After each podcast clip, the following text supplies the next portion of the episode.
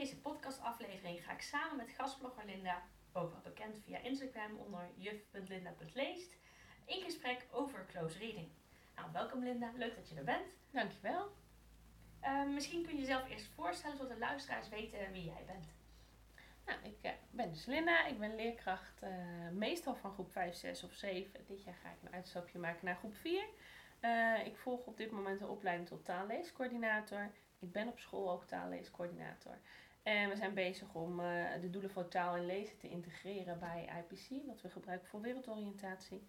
En daarnaast ben ik gastblogger voor Kinderboekjuf en schrijf ik ook de e-books voor close reading. Ja, nou daar kennen wij elkaar ook van. Dus uh, dat je voor een kinderboekje vlogt, heel fijn. Ja, en wat ik zei al, in deze podcast gaan we dus in op wat close reading is. Omdat jij daar ja, je expertise van gemaakt hebt. Heel fijn dat je ook de e-books voor kinderboekjuf daarvoor kunt maken. En um, nou, er zijn een aantal vragen die altijd leven over close reading. Die uh, hopen dat jij kunt ophelderen voor de luisteraars. Um, nou, misschien goed om eerst te vragen, wat heb jij met close reading? Ja, wij liepen er bij ons op school tegenaan dat het begrijpend lezen niet motiverend was. En dan ga je kijken, ja, wat dan wel? Toen kwam uh, Pika met het uh, boek Close Reading. Daar heb ik me samen met een collega in, uh, in gespecialiseerd. Daar hebben we een cursus gevolgd, zijn we een pilot gaan doen binnen de school. Nou, de effecten in onze klas was, waren zo groot. kinderen zijn echt weer enthousiast geworden voor ja, begrijpend lezen. En daarom gaan we nu een schoolbrede scholing doen. En je hebt het over de effecten waren groot. En merkte je dat alleen in enthousiasme of was het ook in de resultaten terug te zien? Nee, in enthousiasme en ook in, in het begrip ja, binnen de tekst. Omdat je een tekst meerdere keren leest en iedere keer een diepere laag van de tekst pakt om te bespreken.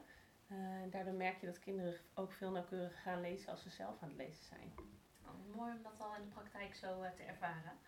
Um, nou, de grote vraag is natuurlijk altijd, wat is close reading? Kun jij misschien in je eigen woorden gewoon omschrijven uh, wat close reading is?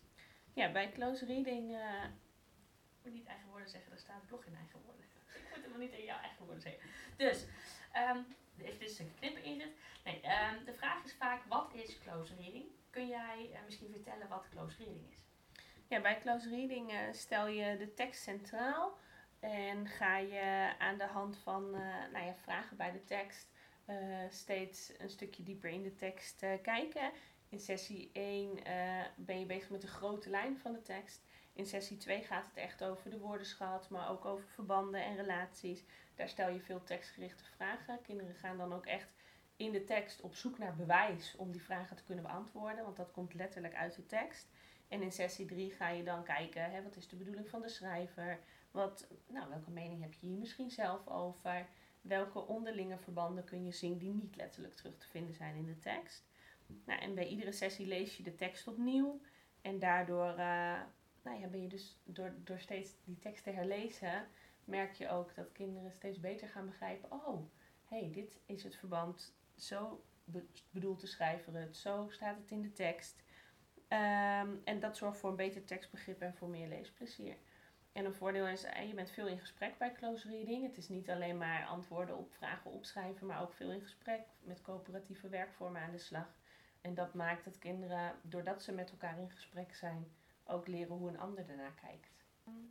Oké, dat klinkt uh, uh, duidelijk. Dankjewel voor die uitleg. Jij bedenkt regelmatig close reading lessen. Waar zit er nou uh, de moeilijkheid in voor leerkrachten om die lessen zelf te bedenken? Nou, sowieso is het vinden van een geschikte tekst vaak lastig.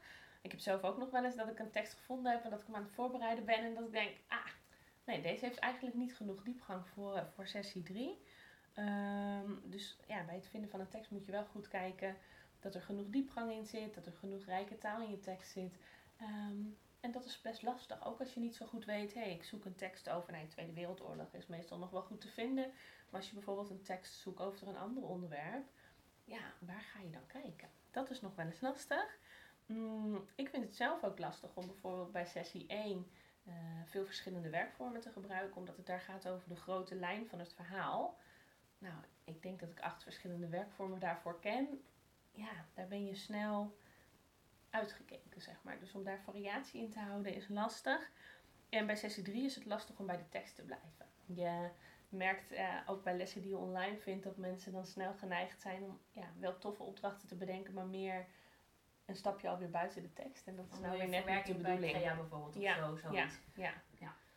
Dus, eh, dus die drie dingen hoor ik wel dat eh, lastig is. Nou, mooi om te weten. Dus mocht je met teksten aan de slag gaan, ehm, wees behoed voor deze valkuilen en trap daar in ieder geval niet in, kunnen we dan zeggen. Ehm, nou, laten we even de stappen doorlopen. Je begint dus met de zoektocht naar een geschikt boek. Ehm, ja, hoe doe je dit?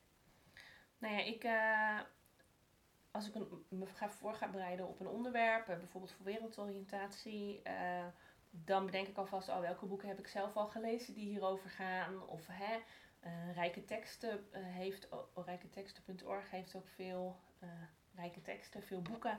Daar kun je gewoon op thema zoeken, dat gebruik ik best wel vaak.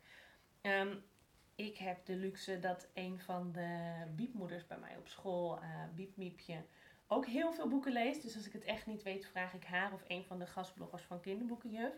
Ik snap niet, niet iedereen die luxe heeft. Eh, en anders kun je ook altijd op Instagram bijvoorbeeld even vragen: hey, wie heeft er eh, een idee voor boeken rondom dit thema? Ehm, ja, en dan moet je gewoon in het boek gaan kijken naar welk fragment, welk hoofdstuk past bij wat ik nodig heb. Nee, je pakt dus een, een afgebakend stuk, niet het hele boek. Nee, meestal niet. Nee. Om dat ook eh, helder te hebben.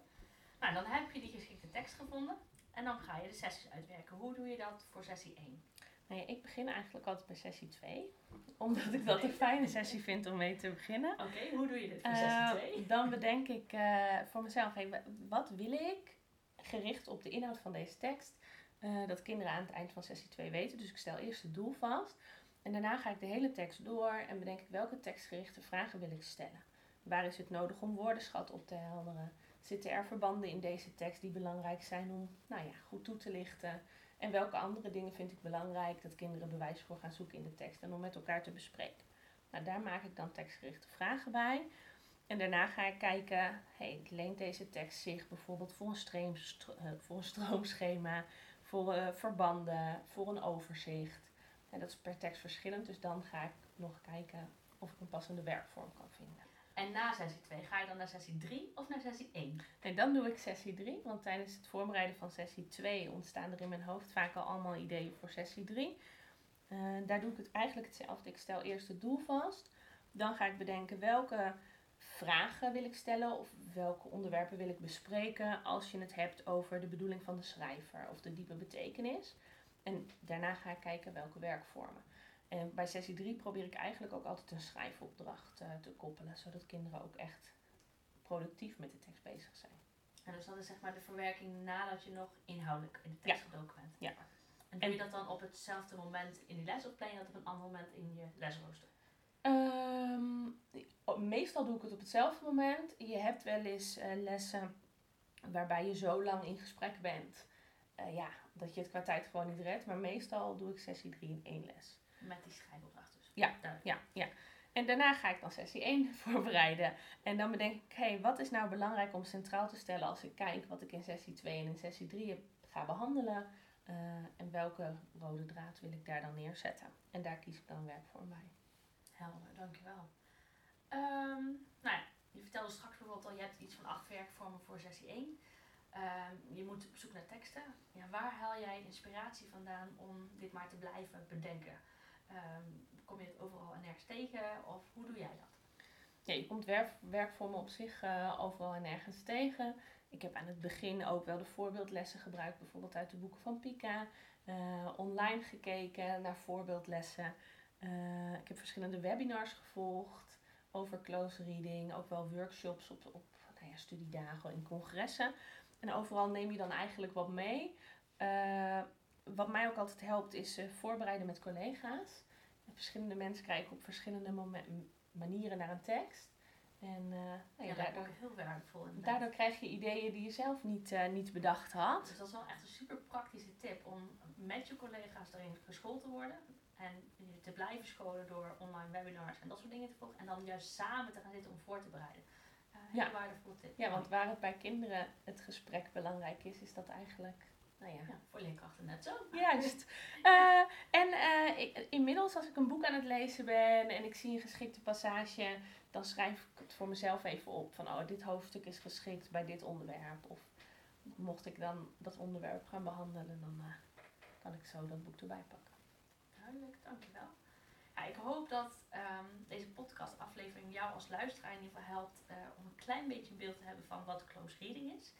Um, nou, we vertelden al, Linda die heeft al eerder e-books gemaakt.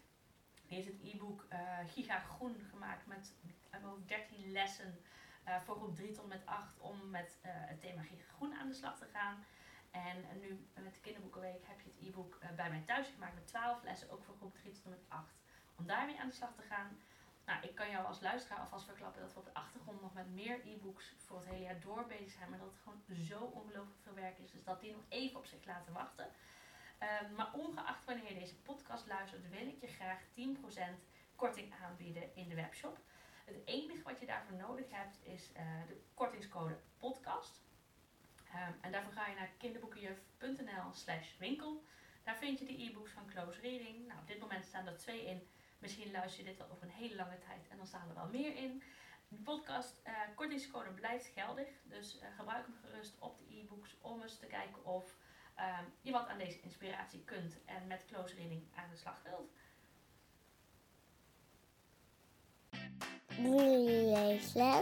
Kinderboekentip. Speciaal voor deze podcastaflevering heb ik Linda gevraagd om een uh, mini leesles kinderboekentip met jullie te delen. Linda, welk boek heb je daarvoor meegenomen?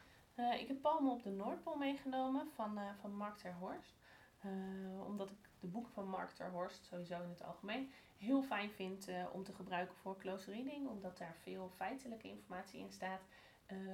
maar hij geeft ook wel af en toe zijn mening. Waardoor ja, kinderen worden gestimuleerd om kritisch na te denken of het eens bent met die mening en wat dus de mening is en wat het feit is. Dat soort dingen bijvoorbeeld bij close reading. Ja. Oké. En jouw uh, mini leesles tip hierbij? Ja, in uh, het boek staan heel veel uh, weetjes. Staat er in jouw boek een weetje die interessant is om te delen met de klas? Ja, top. En stel dat ze nou geen weetje kunnen vinden, mogen ze dan zelf een weetje verzinnen? Ja, een weetje die goed zou kunnen passen bij je boek of bij de informatie. Nou Linda, ik wil je heel erg bedanken dat je uh, ja, met mij samen deze podcastaflevering op wilde nemen. Mocht je als luisteraar nu nog vragen hebben en nog meer willen weten over close reading, stuur gerust een mailtje naar info.kinderboekjuf.nl of weet ons te vinden op uh, social media. Ja, dankjewel. Ik vond het ook leuk om mee te doen. Wat ontzettend leuk dat je luistert naar de podcast vol leespiratie. Misschien ben je door mijn Leespiratie podcast zelf enthousiast geworden om met Leespiratie in je klas aan de slag te gaan. Tof, want daar liggen namelijk veel kansen voor leerkrachten. Juist door jouw leerlingen ook weer te leespireren. Schrijf je daarom in voor mijn Leespiratie mail. Dat kan door via de show notes op de link te klikken en je gegevens in te vullen. Dan blijf je altijd als eerste op de hoogte van de Leespiratie tips die ik deel. Wil je nog meer Leespiratie? Beluister de andere podcasts die ik maakte. Volg me op Instagram onder de naam kinderboekenjuf.nl of neus eens rond op mijn website www.kinderboekenjuf.nl voor praktische, kant-en-klare leespiratie waar je zo mee aan de slag kunt. Nou, heb je vragen naar aanleiding van deze podcast of wil je mij wat vragen? Mail me op info.kinderboekenjuf.nl Vind je deze podcast waardevol? Laat het me weten via mijn Instagram, kinderboekenjuf.nl of mail me op info.kinderboekenjuf.nl ik vind het heel erg leuk om van je te horen. Volg mijn podcast door via het luisterplatform naar de podcast voor leespiratie te gaan en klik vervolgens op volgen. Stel de meldingen in, zodat je als eerste op de hoogte blijft als er een nieuwe aflevering online komt. Bij Spotify kun je dit bijvoorbeeld doen door het alarmbelletje aan te klikken. En geef mijn podcast een beoordeling of like, zodat anderen ook weten dat mijn podcast de moeite waard is om te beluisteren. Deel de link gerust met collega's of andere geïnteresseerden, zodat zij ook de podcast kunnen beluisteren. Ik kijk er naar uit om een nieuwe aflevering voor je op te nemen. Tot dan! Je luisterde naar Ingrid Rijnboud-Evers, de kinderboekenjuf. Wil je nou meer weten over mij? Luister dan zeker eerst even de eerste twee podcasts die ik maakte. Daarin vertel ik je eigenlijk alles over wie ik ben, uh, wat mijn interesses zijn en wat mijn visie als kinderboekenjuf is en hoe ik leerkrachten help om de kinderen in hun klas te leespireren.